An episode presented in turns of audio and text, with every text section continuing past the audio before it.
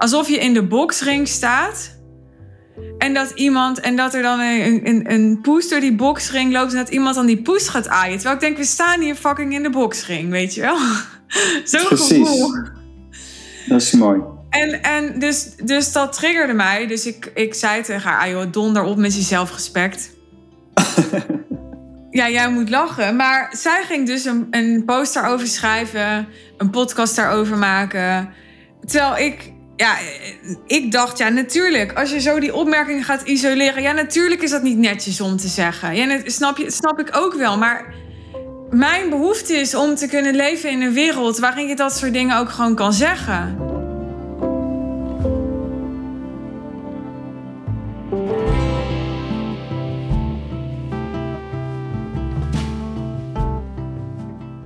In deze aflevering beginnen we met een opmerking die je met wat andere woorden al hebt kunnen horen in de eerste aflevering die ik opnam samen met Pranay, mijn spiritueel leraar. Dat was aflevering 389. Maar we gaan er wat dieper op in, in deze aflevering. En de opmerking die hij maakte laatst in een sessie die ik met hem had was... Jou te veel aan vuur maakt dat je niet begrepen wordt. En zo was deze zin de aanleiding voor het thema begrepen willen worden en onze behoefte om begrepen te willen worden. Waarom is dat eigenlijk belangrijk voor ons om begrepen te willen worden? En is het überhaupt belangrijk, bijvoorbeeld voor onze marketing, om begrepen te worden? En wat doet het met ons ondernemerschap en het bereiken van de successen en de doelen die we willen bereiken als we leven met die behoefte, vanuit die behoefte om begrepen te willen worden. Nou, dit zijn zowel vraagstukken waarop je het antwoord gaat horen in deze aflevering. Het is ook een wat meer persoonlijke aflevering. Dus als je het interessant vindt om wat meer te horen over mijn eigen transformatie door de samenwerking met Pranay, dan is dit ook zeker een leuke aflevering voor je om te luisteren. Heel veel plezier. Pranay, ik uh, wil het hebben over onze behoefte om begrepen te willen worden. Mhm. Het is best wel een uh, thema voor mij persoonlijk ook. Ik heb echt uh, ja, moeten leren en vind nog steeds wel een leerproces om niet begrepen te hoeven worden. Ik ben vaak mhm. onbegrepen gevoeld. En jij hebt ook wel eens gezegd over mij: jouw vuur wordt niet begrepen. Klopt. Laten we daarmee beginnen. Wat bedoel je daarmee? Jouw vuur wordt niet begrepen? Jij hebt een uh, veel aan vuur in je persoon. En dat veel aan vuur, dat wordt door iemand anders heel snel opgepakt als aanvallend. En dus dan is de intentie waarmee jij dan bent en iets zegt, dat bedoel jij dan helemaal niet verkeerd. Maar de ander die ervaart dat dan heel sterk als een aanval. En dat is dan de miscommunicatie. Dus een bepaalde intentie. En dat komt uit vuur. En is dit iets wat bij heel veel mensen zou kunnen spelen die zich ook niet begrepen voelen? Is het iets wat veel voorkomt? Of hebben met andere mensen misschien een teveel aan iets anders waardoor ze niet begrepen worden? Hoe zit dat? Ja, dat is, dat is inderdaad uh, heel universeel, maar het is niet dat iedereen een teveel aan vuur heeft. En iedereen heeft zo zijn eigen karakter en zijn eigen dingen. En we hebben allemaal positieve kanten in ons karakter en minder positieve kanten in ons karakter of minder handige dingen in ons karakter. Het wezenlijkheid wat erachter zit is eerder dat we um, niet meer echt diep luisteren naar elkaar. En dat we eigenlijk kijken naar welke woorden zet iemand in. En dan ga je die woorden letterlijk nemen. Er wordt heel vaak zelfs geframed op woorden. En daar wordt dan iemand op beoordeeld. Maar dat is niet de weg. Want je zou eigenlijk je moeten afvragen: wat bedoelt iemand te zeggen? En wat ervaart iemand dat die persoon die woorden inzet? En dan ga je echt diep luisteren. En dat is tegenwoordig niet, uh, niet, niet meer zo veel aanwezig. En dus is er ook heel veel onbegrip. En dan komt nog eens een keertje bij dat als je begrepen wilt worden, dan kun je niet meer spontaan zijn zoals je bent. En dan is het altijd, altijd direct al een miscommunicatie. Uh, op zijn minst zou je gewoon spontaan moeten zijn en je vrij moeten voelen om expressie te kunnen geven. Ook al is dat soms misschien onhandig of uh, misschien zelfs niet juist. Maar het gaat niet over juist of niet juist. Het gaat over vrij zijn en de openheid om te communiceren en om jezelf te kunnen zijn. Dus als je bijvoorbeeld zichtbaar bent voor je bedrijf op social media en je deelt wat, dan zou je dat moeten doen zonder de intentie of zonder de behoeftes, misschien een beter woord, om begrepen te willen worden. Absoluut. In, het, in de expressie moet je eigenlijk nooit afvragen uh, wat die ander daarvan zou vinden. Je moet eigenlijk zo plain mogelijk gewoon omschrijven wat jij ervaart. En zodra je ook maar enigszins gaat naar, ja, het moet wel begrepen worden, dan, ga je hele rare, dan gaat je mind die gaat aan de haal. En dan komen er heel veel rare dingen uit. Dat is nog veel complexer. Oké. Terwijl ik ook mijn klanten altijd leer. Hè, marketing heeft een verbindende functie.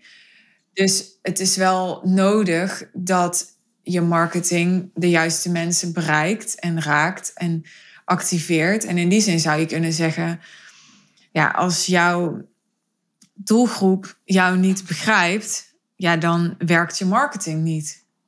Nee, het is in mijn ogen andersom.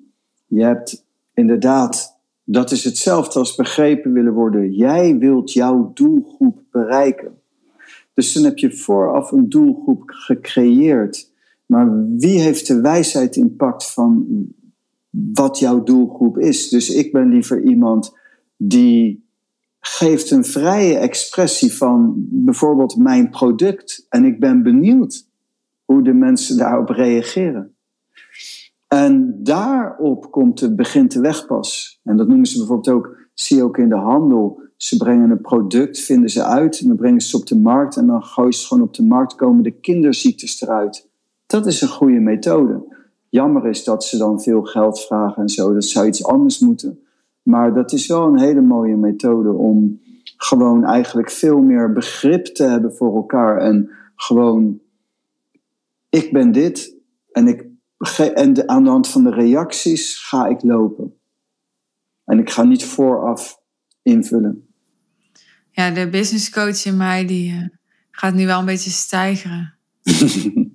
Mooi. Vertel.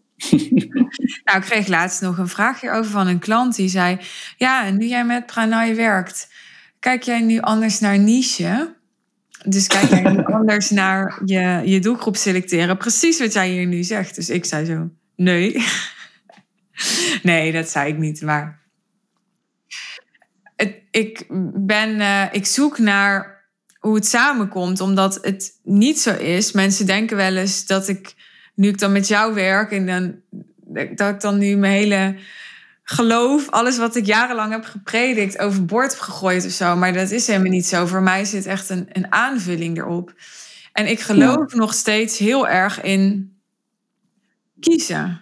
Net zoals je ook voor bijvoorbeeld een liefdespartner kiest. Weet je wel, je kiest echt voor iemand. Er zit ook een toewijding in. Dus ik geloof ook echt in kiezen voor een doelgroep en kiezen voor een niche. Ja, vind ik zo geforceerd. Je, je, kiest niet, het gebeurt spontaan. Je wordt je bewust wie je bent. En je wordt je bewust van, je bent met iemand en er is een interactie. En je kunt je bewust worden dat in die interactie iets vrijkomt wat de moeite waard is, wat mooi is, wat ruimte heeft voor meer verdieping. En dan maak je, kun je daar gebruik van maken. Dat is spontaan. Dus voor mij als beoefenaar van de taal, ik draai het juist om. Mensen willen vaak weten ook, wat is mijn weg? Maar de weg vind je door achterom te kijken. Het is andersom. Ik creëer het niet. Het gebeurt, het ontvouwt zich spontaan. En daar maak ik gebruik van. En dan zegt iemand anders, jij creëert. Maar ik creëer zonder druk, zonder forceren.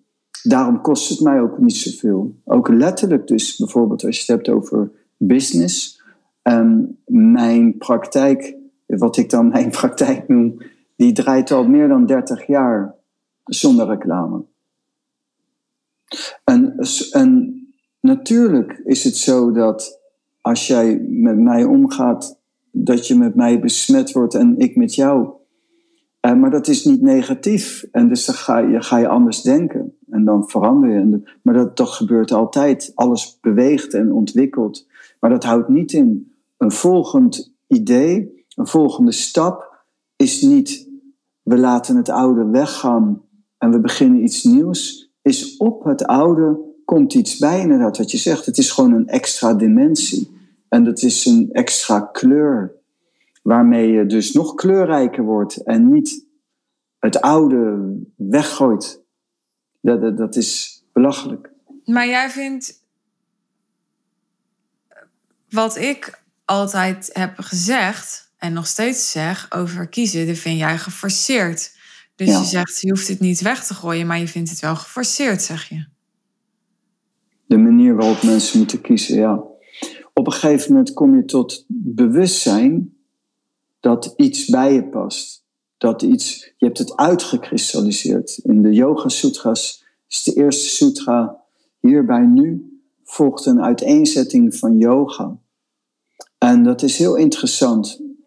Volgt een uiteenzetting. Je kiest niet, je zet uiteen. Je maakt niet geforceerd keuzes, je kijkt naar mogelijkheden. En je vindt op een gegeven moment een, mogelijkheid waar je helemaal enthousiast van wordt. En dan zou je kunnen zeggen, dan kies je daarvoor. Maar ik kies niet, ik wacht tot het enthousiasme er is. Ja, ja. Maar het is misschien meer wel gelijk. een woordenkwestie dan. Precies, ik wou net zeggen, je hebt wel misschien wel gelijk in dat je moet kiezen. Je moet zeker op een bepaald niveau kiezen. Ja. Alleen zelf kies ik niet. Ik uh, word bewust wie ik ben. En, dan, en wat er is. En dan, Ik laat? Je laat je kiezen. Ik laat me kiezen. Ik laat me meedrijven met de, met de taal, met bestaan. Going with the flow. En ik vertrouw erop dat uh, alles wat plaatsvindt ook een interactie is van mij en de taal. En dat het hele leven daar direct op reageert. En als het goed is, is het goed. En als het niet goed is of het verandert, dan is het niet goed. Maar als het dan verandert en het zou niet goed zijn, was het niet daarvoor een fout. Het was gewoon goed voor een bepaalde tijd. Ja, ja. Nou ja, dan zitten we denk ik toch wel dicht bij elkaar. Want ik zie ook dat bijvoorbeeld het zandlopermodel, zal jij nooit van gehoord hebben, maar ik gebruik wel eens het zandlopermodel als voorbeeld. Mhm. De vorm van een zandloper gaat natuurlijk van breed naar smal naar breed. Ja. En dat is een soort symbool voor verschillende fasen in het ondernemerschap. Dus als je begint, dan begin je breder. Precies om wat jij zegt, omdat je eigenlijk nog aan de vooravond staat van de zoektocht naar wat past bij mij. En niche is, is Frans, het betekent geloof ik in het Frans. Ik kan geen Frans, maar uh, de plek in de, in de natuur waar een, een bloem of een plant of zo het beste tot bloei kan komen. Dus ah. een niche staat voor de plek in de markt waar jij het beste tot je recht kan komen, tot bloei kan komen. En, en die plek vinden, ja, dat is een, een zoektocht en dat is ervaring opdoen en dat is trial and error testen. En dat is het brede stuk. En je verwerft in die fase informatie. En door die informatie word je geholpen keuzes te maken. En doordat je die keuzes maakt, ga je eigenlijk steeds smaller. Waardoor je op een gegeven moment gewoon heel goed weet waar je voor staat, wat je te bieden hebt en wie daar het beste bij past. En dat is het smalle punt van de zandloper. En dat is ook het punt, zeggen ze, waar je bijvoorbeeld het meeste winst kunt maken omdat je daar de minste verspilling nog hebt. Dus je bent niet meer tijd aan het besteden aan mensen waarvan je denkt, nou, dat was hem toch niet. Uh, je kunt het meeste geld vragen ook op dat punt, omdat je dus al die ervaring hebt opgedaan en je weet precies hoe je relevant kunt zijn voor je klant. En dus dat is het punt waarop je de meeste winst kunt maken in de minste tijd. En waarom wordt die zandloper daarna dan weer breder? Omdat veel mensen niet op dat smalle punt willen blijven. Ik denk dat dat ook natuurlijk is, organisch is, want het is niet voor niks een smal punt. Mensen ervaren dat vaak ook als smal. Zo van ja, dan heb ik nu tien mensen die bij mij een high-end programma volgen van 20.000 euro, maar ja, ik wil misschien wel honderden mensen of duizenden mensen helpen. En dan kun je vanuit een plek waarop je geld en tijd gecreëerd hebt voor jezelf, het smalle deel, kun je breder gaan en kun je bijvoorbeeld dat geld gaan investeren om, nou, uh, met een podcast die je laat produceren bijvoorbeeld, waar je dan geld voor hebt, veel meer mensen te bereiken. Of door ja, online te gaan adverteren en zo een lager geprijsd product aan de massa aan te bieden. Nou, waarom deel ik dit hele verhaal? Um, omdat ik benieuwd ben als ik dit zo omschrijf, of dit ook is wat voor jou voelt als natuurlijk en in lijn met de taal. Ja, het is heel mooi wat je noemt. Inderdaad, en dat was misschien begin misschien een beetje communicatiestoornis. In de leer is het ook heel essentieel om de juiste plek te vinden. Het is cruciaal dat je de juiste plek vindt, ook energetisch, technisch, letterlijk, intern. Je, je moet het middelpunt vinden in jezelf en ook op de juiste plek hebben staan. En heel veel mensen staan niet op de juiste plek. En de juiste plek vinden is inderdaad gekoppeld aan je heel ontspannen voelen, licht en vrij. En dat is daarom ook, daarom noem ik het liever niet een keuze, want op een gegeven moment bereik je een punt en dan ben ik, zo, dit is waanzinnig. En dat is dan dat je automatisch daarvoor kiest, is dan eigenlijk niet een keuze, dat is een natuurlijk iets. En dat is ook in relaties en ook met uh, zaken en alles. Je komt op een gegeven moment, kom je iemand tegen en dan opeens is het er. En als dat er is, natuurlijk kies je er dan voor. En moet je er ook nog voor kiezen, als het ware.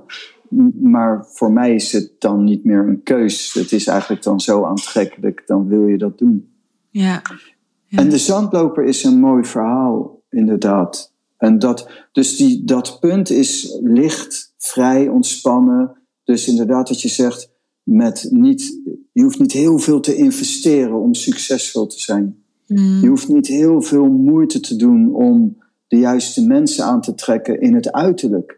Het is in het innerlijk zo. En dan heb je altijd um, de zandloper, dan moet ik denken vanuit de geneeswijze aan een peristaltische beweging van de bloedvaten, van de darmen bijvoorbeeld. En de beweging is nauw wijder, nauw wijder. En, en, dat, en dat geeft de beweging en de voortgang. En als iets niet ontwikkelt of beweegt, het enige wat niet beweegt is hetgeen dood is. En dat, is, dat, dat kwijnt weg. Stilstand is achteruitgang. Ja. En je moet altijd door. Ja? We begonnen deze aflevering over de behoefte om uh, begrepen te worden. Wat is het verband tussen, uh, tussen die beweging en de behoefte om begrepen te worden? Is die er? Ja, de, de bewegingen die moeten spontaan plaatsvinden. En als je begrepen wilt worden, dan is het niet meer spontaan. Je geeft expressie. Dat is het, het effortless effort in, in het Engels vanuit uh, Zen. Je hebt een inspanning die inspanningsloos is. Tegelijkertijd klinkt natuurlijk heel raar en dualistisch, maar is eigenlijk heel logisch als je het praktiseert. Je vindt de juiste plek door vrij te zijn in je expressie. Wie ben ik? Wat is mijn product? En wat beoog ik ermee? En wat kan het? En, en je, een, ik zeg wel eens, een goede verkoper verkoopt niet, maar kijkt naar de reacties en dan zie je van, hé, hey, daar zo, dat, dat. En als het er niet is, ga je het niet forceren. Het heeft geen zin om iemand iets door zijn strot te duwen. Het heeft wel zin, zoals een goede een, een, een, een autoverkoper is zij. Ik kwam eens bij een autoverkoper langs en die had echt een, uh, eigenlijk een onverkoopbare auto staan eigenlijk. Een lelijk ding en alles. Ik zei van die auto die is niet te verkopen. Hij zegt nee, nee. Hij zegt dat zie je verkeerd. Hij zegt je moet de juiste persoon vinden die bij die auto past. Ja. En dat is mooi. Ja. Dus mensen zijn vaak greedy, bijvoorbeeld. In, van, ja, ik wil begrepen worden. Nee, je moet zoeken naar de mensen die jouw taal verstaan. Ja. Die of geïnteresseerd zijn in jouw taal. Jij noemt bijvoorbeeld een Franse term. Ik ben heel goed in talen. en, maar de grap is, ik speel er altijd mee. Ik maak een, een, een ramp, ik ben een taalramp. En, en, maar omdat ik juist niet te veel wil me richten op de woorden, maar de betekenis van de woorden. Ja. Ja. Nou hadden we het ook over dat ik niet begrepen word, zeg jij, door een te veel aan vuur. Ja. Kan je zeggen dat het eigenlijk niet uitmaakt dat ik niet begrepen word, dat het er alleen om gaat dat ik los zou moeten zijn van mijn behoefte om begrepen te willen worden? Is het relevant dat ik begrepen word? Nee, het is niet relevant dat je begrepen wordt. Het is relevant dat je vrij wordt. Een vrije expressie geeft. Er zit misschien een onbewuste druk naar het begrepen willen worden of bijvoorbeeld de mensen willen bereiken. En dan gaat het helemaal mis. En dan, dan gaat het forceren. Oh, dus daarom is het helemaal misgegaan met mij.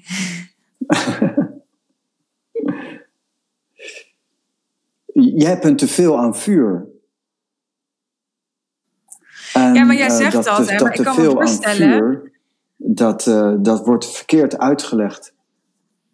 Ja, dat, dat zeg jij. Maar ik kan me voorstellen dat een luisteraar die luistert ernaar... en die zegt, ja, die man kan wel van alles zeggen. Want hoezo dan? Hoe weet hij dat nou?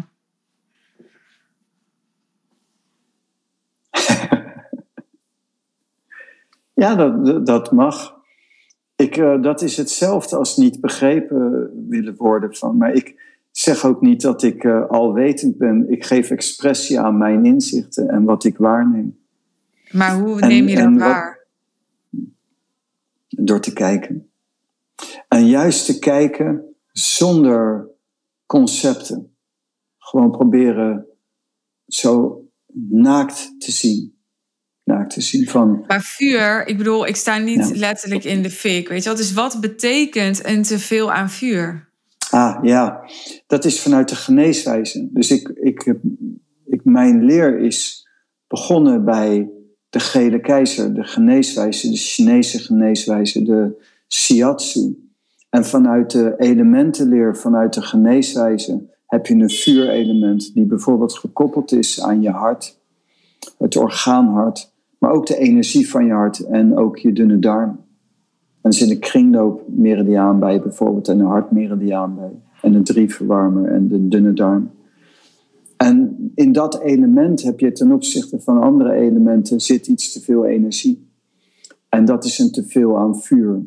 En, en dat dat zo is, kan ik bijvoorbeeld zeggen dat je bijvoorbeeld jouw mensen jou dan als intens kunnen ervaren. Dus jij zegt gewoon van ja, maar dat moet gebeuren en de ander voelt zich aangevallen.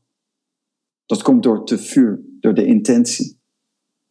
En je staat natuurlijk niet letterlijk in vuur. Terwijl ik ook best wel een timide kant heb. Natuurlijk.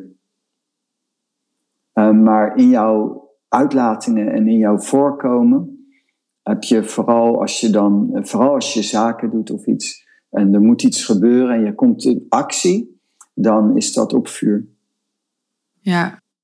Dus een bepaalde intentie. Maar het is natuurlijk niet, niks is een wet dat het altijd zo is. En dat je het helemaal kan zeggen we, dit is het en dat is het altijd, jij, jij bent vuur. En je bent alleen maar vuur, maar dat is natuurlijk niet Nee, dat snap ik. Maar je hebt ook wel eens gezegd, hè, want wij zijn ook in ons traject bezig om dat vuur te sederen.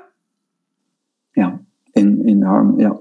en dan, dan kan je denken als je hier naar luistert als luisteraar... oh, maar het is toch juist goed, dat vuur. Hè? Dat is toch ook je motor, is toch ook je drive en zo. Maar je hebt ook wel eens gezegd... ja, jij kan nooit te weinig vuur gaan hebben. Klopt dat? Ja, dat, dat kan technisch wel, maar wezenlijk... dan bedoel ik dan iets mee te zeggen. Inderdaad, dat, je, dat gewoon zit gewoon in je karakter en je constitutie. En je moet het wel iets sederen en en iets, maar jij bent gewoon iemand met veel vuur en als, dat is ook je kracht. En dat is ook het uh, trieste bij veel mensen. Hun kracht, omdat het niet begrepen wordt, kunnen ze het ook niet meer, durven ze niet in te zetten of gaan ze proberen er vanaf te komen. Maar dat is juist je kracht. Ja. Dus ik zou niet willen zeggen van ja, word mellow. Word, word, nee, je bent gewoon wie je bent. Ja. En dat is goed. Het gaat echt over nuances. Ja. Ja. Maar technisch, als je het in een theorie moet brengen, zou ik dat eh, vanuit de vijf elementen leren. Heb jij te veel vuur? Ja. En is dat dan iets waar ik mee ben geboren? Of eh, is dat ontstaan? Ik bedoel. Hoe ja, dit is een onderdeel van je basisconstitutie, noemen ze dat in de shiatsu. En dan kun je zeggen dat je daarmee geboren bent. Dat, dat is zeg maar, de basisconstitutie kan je ook betitelen als het diepe karakter wat iemand heeft. En je kunt wel zien, een kind wat geboren wordt, zodra het iets doet of heeft een karakteristiek iets. En het zit er gewoon, sommige dingen zitten er gewoon in vanaf dag één. En toch, ik weet nog dat uh, mijn zus werd geboren. En uh, mijn vader zei meteen over mijn zus: ja, dat is een heel ander kind. Mijn zus was veel meer wakker en levendig. En ik was een beetje zo de sphinx altijd, weet je wel? Die zo van een afstandje zo de kat uit de boom keek. Maar goed, een sphinx heeft ook best veel vuur, denk ik. Dus misschien zit het daarin. Ja, je hebt, het is, dit is lastig om hierop in te gaan, want je hebt een constitutie en een teveel aan vuur kan ook een expressie krijgen van timide. Uh, het is niet zo dat een teveel aan vuur ook per se is iemand die constant ontploft. Door te veel aan vuur. Er zijn zoveel andere elementen en de omgeving ook. Je hebt een middelpunt innerlijk en je hebt ook buiten jezelf om. En dus eh, bijvoorbeeld je, je, inderdaad je positie in de markt. Bijvoorbeeld vanuit zaken doen. En je positie van jouw persoon maar je zit in een bepaald land, in een bepaalde cultuur en alles. Ik als bijvoorbeeld als kind voelde ik me echt wel een paar jaar alien. Alsof ik een uh, buitenaards wezen was. Want de mensen in Nederland zijn zo anders dan dat ik van nature dacht. En toen zeiden Indonesische mensen op een gegeven moment tegen mij: Ja, maar jij bent ook meer Indonesisch. Maar toen ik in de eerste keer in India kwam, voelde ik echt van, nu kom ik thuis. Dit is zo, zij denken zoals ik denk. En dat is toch een positie. En dat bleek te zijn dat ik eigenlijk niet helemaal raar ben. Het is net of ik in de verkeerde land geboren ben. Ja. En dat is in het klein heeft iedereen dat ergens. Dus je moet je positioneren en de juiste plek vinden. Ja. En daarom is het ook belangrijk dat je vrij expressie geeft en dat iedereen dat doet, want dan kom je ook bij de juiste mensen. Oh ja, ja. En waarom moet dat vuur dan toch gecedeerd worden? Want je zou kunnen denken, nou, je bent lekker wie je bent.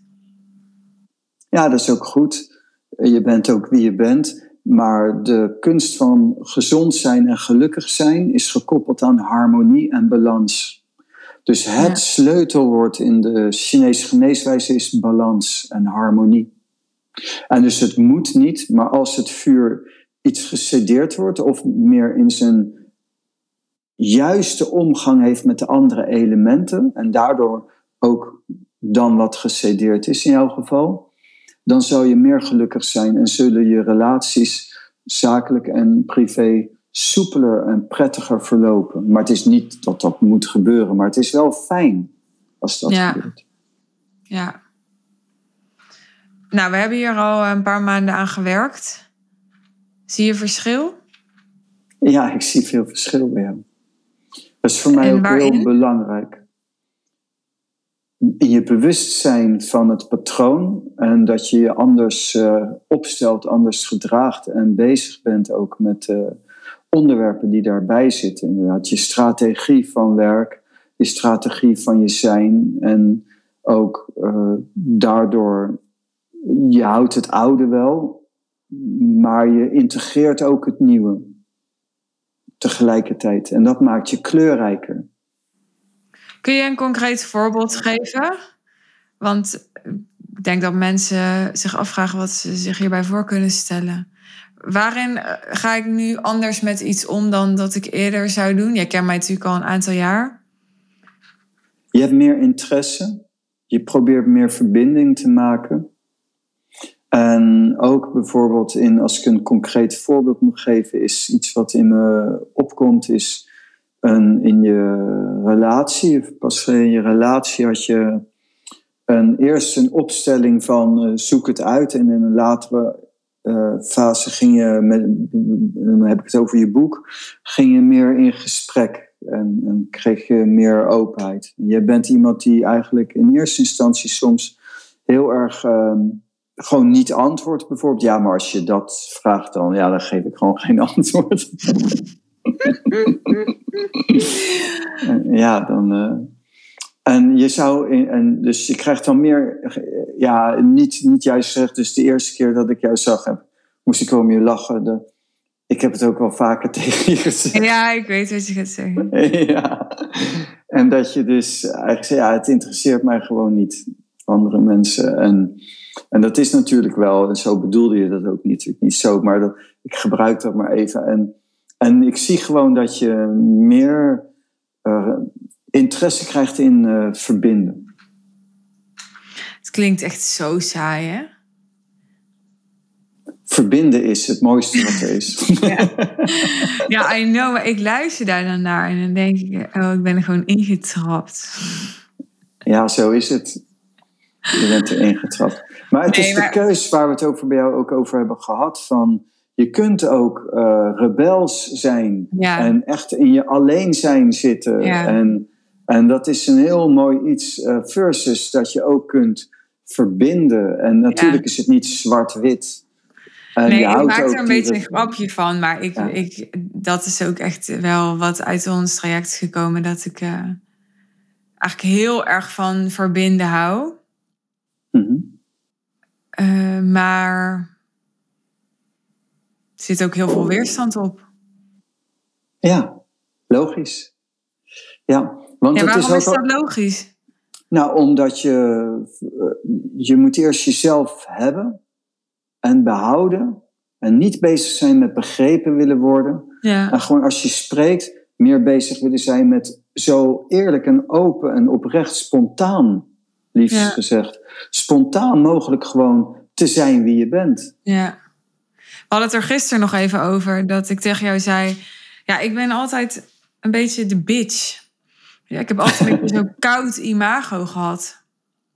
Dat is dat vuur, ja. Ja, ja, het is best wel. Aan de ene kant snap ik het wel, en aan de andere kant ja, is het gewoon zo niet wie ik ben. Maar dan kijk ik naar mijn eigen profielfoto en zo, en dan denk ik, ja, ja, ziet er ook best bitchy uit. Ik snap het wel. Ja, ik snap het wel. En tegelijkertijd, ja, ik vind het ook fascinerend dat, dat een bitch dus ook meteen koud is of zo. Ik vind een bitch vind ik ook wel lekker. Ik zeg ook wel eens tegen mensen, ik zoek ook mensen waar ik een beetje ook mee kan bitchen, weet je wel? Ja. Ja, dat mag ook. En inderdaad, dat is ook een onderdeel van het begrepen zijn. Als je gewoon vrij bent, dan je bent ook goed. En dan zijn ook mensen die vinden dat grappig, die vinden dat leuk, die vinden het, kunnen dat waarderen. Die, die hebben helemaal niet zoiets van, oh, oh, en uh, dat, moet, dat moet anders en zo. Dat is waar. Nou, ik ben af en toe echt van geschrokken dat als je dan een keer mapt, dan denk ik, ja, map dan terug. Maar nee, dan gaan mensen huilen. ja, maar dat is ook waar. En daar hebben we het wel eens over gehad ook uh, als jij spreekt over het verleden, ja, dan vind ik wel dat je ook wel een beetje, beetje zelfmedelijdende slachtoffertypes om je heen uh, soms had verzameld. die, die niet zoveel ballen hebben en niet zoveel. Uh, en, en, en dat is niet zo dat die mensen dan, dat ik die dan veroordeel of slecht vind of minder vind, maar niet passend bij jou. En er zijn mensen die zijn heel fijngevoelig en die willen dat heel links en alles. En, en ja, ik hou zelf ook een beetje van ruiger en, en meer rebelser en alles. Maar dat kun je ook heel goed combineren in verbinding. Zonder dat je dat kwijtraakt. Ik moet nu heel concreet denken aan... Dit is denk ik wel lang genoeg geleden nu om te delen. Het is bijna een jaar geleden. Ik denk dat het wel mhm. kan. Ja. Aan ehm, iemand die voor mij werkte. Mhm. En dat stopte. Want dat, dat botste dus. Onze karakters botsten gewoon te veel. En toen hadden we een soort afrondend gesprek. Nou, en daar kwam mijn teveel aan vuur wel even boven. Ja. En ehm, toen heb ik uh, iets gezegd. Uh, ze begon over zelfrespect en zo. Maar het was zo. Voor mij was het zo misplaatst dat ze daarover begon. Weet je wel? Ik, ik, ik, zat zo in. Ja, uh, we zijn hier gewoon zaken aan het doen. En uh, ja, nu inmiddels, weet je wel, als ik dan gewoon, als het achter de rug is, denk ik, ja, het is natuurlijk niet zo dat als je zaken aan het doen bent, dat je dan opeens je zelfrespect thuis moet laten en zo. Daar ging het natuurlijk helemaal niet om. Juist niet. Maar waar het wel om ging was, inderdaad, het was zo voor mij alsof je in de boxring staat en dat iemand, en dat er dan een, een, een poes door die boxring loopt en dat iemand dan die poes gaat aaien. Terwijl ik denk, we staan hier fucking in de boxring, weet je wel? Zo'n gevoel. Dat is mooi. En, en dus, dus dat triggerde mij. Dus ik, ik zei tegen haar, ah joh, donder op met je zelfrespect. ja, jij moet lachen. Maar zij ging dus een, een poster over schrijven, een podcast daarover maken. Terwijl ik ja, ik dacht, ja, natuurlijk. Als je zo die opmerkingen gaat isoleren, ja, natuurlijk is dat niet netjes om te zeggen. Ja, snap, je, snap ik ook wel. Maar mijn behoefte is om te kunnen leven in een wereld waarin je dat soort dingen ook gewoon kan zeggen. En dan zeg je, nou, hou jij even je grote waffel dicht, weet je wel, dan is het toch klaar? Kijk, als je zegt, bijvoorbeeld als je dit terugluistert, dan zul je ook horen dat terwijl je dit al zegt, dat je intentie toeneemt. Nou, ik weet het. Ik, ik ben me er nu al bewust van. ja, en dat is. Uh, dat is het en vuur. Dat, dat is het vuur, maar dat, dat vuur moet ook uh, door water uh, op temperatuur, dat het niet te heet wordt. Want als je gaat kijken naar de kunst van het geluk, dan is het zo dat je eigenlijk probeert te vermijden om te geëmotioneerd te raken op deze manier. En dat je open blijft uh, van bijvoorbeeld uh, wat we dan toevallig pas geleden bespraken, hoofdstuk 11 van de Tao Te Ching. 30 spaken steken samen in één naaf. Maar het wiel functioneert dankzij het naafgat.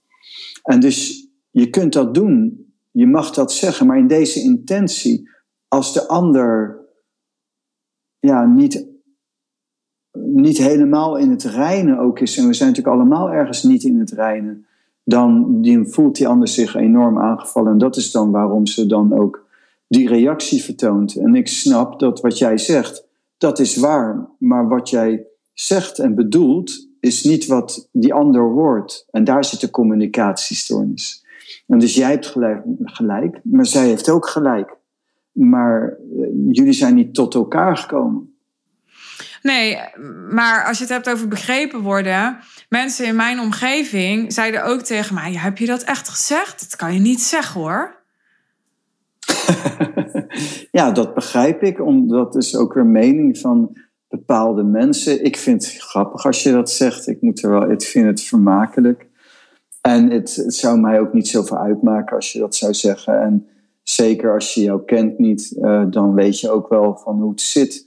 En Ehm, maar je mag dat wel zeggen. Maar je zult zien dat als je meer die ontspanning in het midden vindt, als ook het juiste punt intern, dat je hele andere reacties zal krijgen. Omdat je dan hetzelfde zegt, maar in een andere intentie. En puur technisch is op dit vlak dan zeg maar, begrijp ik jou. Maar zoals jij het net bracht, eh, begrijp ik die vrouw ook. En, ik, en het is zonder goed of slecht en zonder oordeel. En ik begrijp haar ook wel. Ik begrijp haar ook wel. Ik, ik, ik vond het wel moeilijk dat mijn kop eraf moest. Snap je? Ik, ik ben echt best wel heel erg, denk ik, begripvol naar als mensen dingen niet leuk vinden. Niet, en dan kan ik denk ook echt wel zeggen, ja, dat snap ik. Maar dat dan uh, je kop eraf moet, dat vind ik echt zo'n zoiets Nederlands. Hoeft, er niet af. Maar die is er ook niet afgegaan. Als ik naar jou kijk, dan zie ik echt daar dat je hoofd er nog op zit. Ja, gelijk. Ja. Hij is er niet afgegaan, maar dat was wel... Kijk, en zij zal natuurlijk zeggen... nee, maar dat was helemaal nooit mijn intentie. Maar... Nou, maar ik denk, dan denk ik, als je dat zegt, dan denk ik aan Osho. En dat vind ik zoiets moois. En die zegt van, uh, ja, het is eigenlijk uh, om te gillen. En, en ik doe eigenlijk alles om de mensen te helpen. En als terugreactie vergiftigen ze Nou, dat, want weet je, mm. ik wil één ding daaraan toevoegen. Ja. En ik heb dit echt, echt vaak meegemaakt. Dit is, ik, dit is maar een voorbeeld. Maar ik denk dat er misschien drie weken of zo tussen dit moment heeft gezeten. En dus een aantal weken daarvoor dat ze nog deelde van. Ik vind haar zo inspirerend. En, en nou, ik heb dit jaar weer een keer meegemaakt. Iemand die zei: Ja, ik vind het zo inspirerend. En dan luister ik je podcast en ik leer zoveel van jou en bla bla bla. En dan hoef je maar dit te doen. En dan ben je soort van van je voetstuk gevallen. En, dan moet en, en dat is iets. Ja, dat heb ik gewoon nooit begrepen. Dan denk ik hoe kan dat zo dualistisch zijn? Weet je wel? Hoe kan dat contrast zo groot zijn? Ja, dan was ik zo inspirerend was ik dan ook weer niet. Weet je wel? Dus ik neem dat ook allemaal niet meer zo serieus. Dat is allemaal een uiting van te veel aan vuur. Je bent onrustig en, en je zit erop in je intentie. En dat is er te veel aan vuur. En ze bedoelden dat wel en ze menen dat wel. En dat kun je gerust aannemen. Maar het is wijdser en die andere kant is er ook. En je, hoeft, je kunt niet zeggen, dan neem ik dat ook niet meer aan. Maar dat, dat heeft ze gezegd. En ik, als ze dat gezegd heeft, dan weet ik dat ze dat ook gezegd heeft. En dat dat dan ook zo is. Dat dat ook waar is. En het vuurelement, wat ik mooi vind, de aas van vuur, het volmaakte volmaakte omgang met vuur is dat je beseft dat het een bron is. En dus dan vind je een ontspanning. Je noemt de coolness of love. Vind ik een onwijs mooie manier om het te verwoorden. Dus je, je hebt in alles wat je zegt, ik heb daar niks op tegen en ook niet op je intentie, maar puur technisch demonstreer je het probleem. Ja, ja. En dat is eh, voor, het is niet erg. Het is niet zo iets als je adarmisch leeft, ben je niet een zondaar, moet je gestraft worden. Eh, ik zou eerder zeggen, het is zonde, jammer, dat je de ontspanning in het vuur, nou ja, weet je, dan, dan uh, God, ja, dan, uh, dan wil ze je kop eraf hebben. Of eigenlijk niet eens, maar dan doet ze iets en dan is het tegen jou. Daar moet je ook een beetje de humor van inzien. En ook dat zijn dingen die je kunt gebruiken om de volgende stap te bepalen ook weer. Er zijn dingen die doen iets met je en misschien moet dat ook wel. Als je echt wilt leren, dan ga je de kritiek van anderen serieus nemen of het nou echt is, of het nou waar is of niet. Ja. En dat is echt de snelste weg om te leren en om te verbeteren. Nou, die kant is er ook wel, maar dat is het dualistische in mijzelf. Dat ik, uh, dat ik ja, denk dat ik dus best wel heel ontvankelijk ben om te leren. Maar er is ook inderdaad, uh, nou precies die kant met het te veel aan vuur. Wat gewoon denkt, uh, ja, fuck you. Ja, want dat is ook het verhaal uh, wat je zegt. Ik denk dat bijvoorbeeld dan mensen in je omgeving dat ook zo zullen zeggen. Van ja, ze geeft ook zo een impuls af van koud. Zo ja, fuck you. Dat het er eigenlijk niet interesseert. Ja. Versus, en dat is dan de rebel, versus vrijheid, de, het verbinden. Ja. Maar als je bijvoorbeeld kijkt naar echt iemand die helemaal gesteld is op zijn vrijheid en maling en alles heeft, denk ik aan een van mijn grote inspiratiebronnen, Herman Brood. Ja. Goud. Maar die, die had, was ook in het reinen met zijn uh, intentie, zover ik dat kan beoordelen. Ik weet, Ja. ik heb hem nooit gekend, maar zo wat ik, het beeld wat hij mij geeft, en daar gebruik ik dan dat voor. En vind ik heel mooi.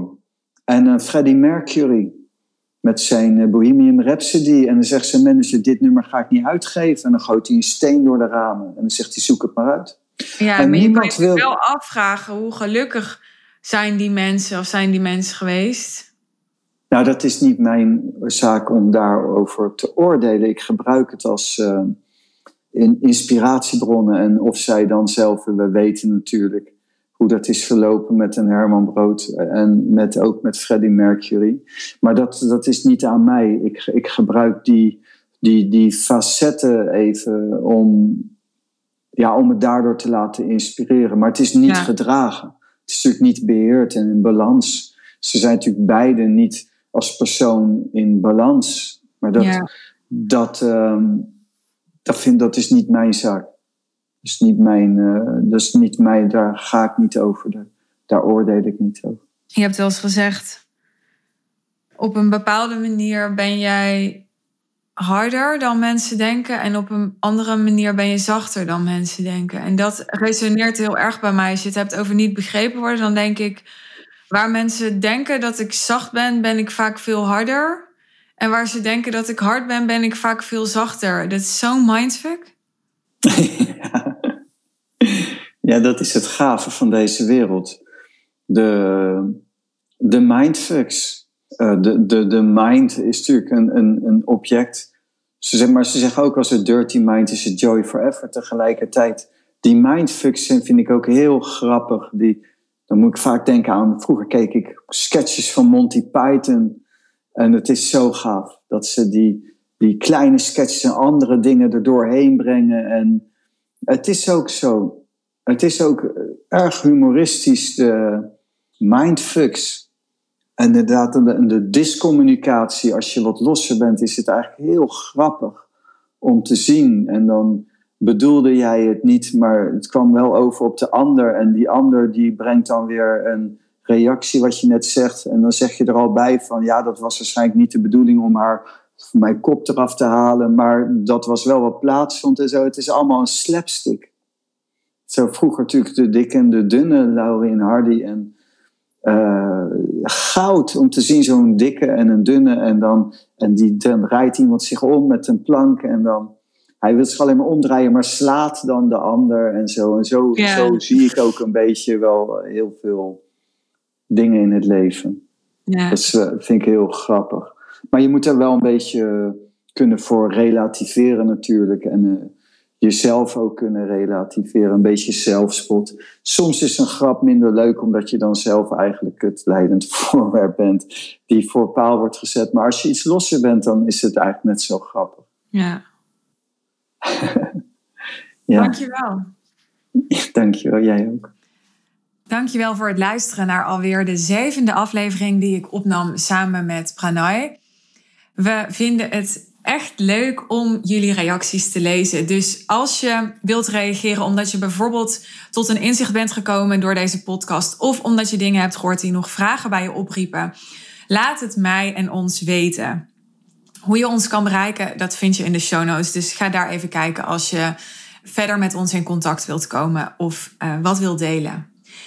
Ben je nog niet geabonneerd op deze podcast? Dan kun je gratis abonnee worden. Want zo kun je naar deze afleveringen blijven luisteren. En krijg je een notificatie als we een nieuwe aflevering voor je maken. We doen dat in principe drie keer per week. Dus if you want to catch up, zorg dat je abonnee bent. Zorg dat je volgt op Spotify als je daar luistert. En wil je ons steunen, dan kun je dat doen door deze afleveringen te delen. En natuurlijk door een review achter te laten van 5 sterren. Want zo wordt deze podcast beter vindbaar. En kunnen we meer mensen bereiken die ook aangetrokken worden door deze content. Ik wil je verder een mooie dag wensen, een mooie avond. Misschien wel wel te rusten als je dit luistert voor het slapen gaan. En heel graag tot de volgende keer. Bye bye.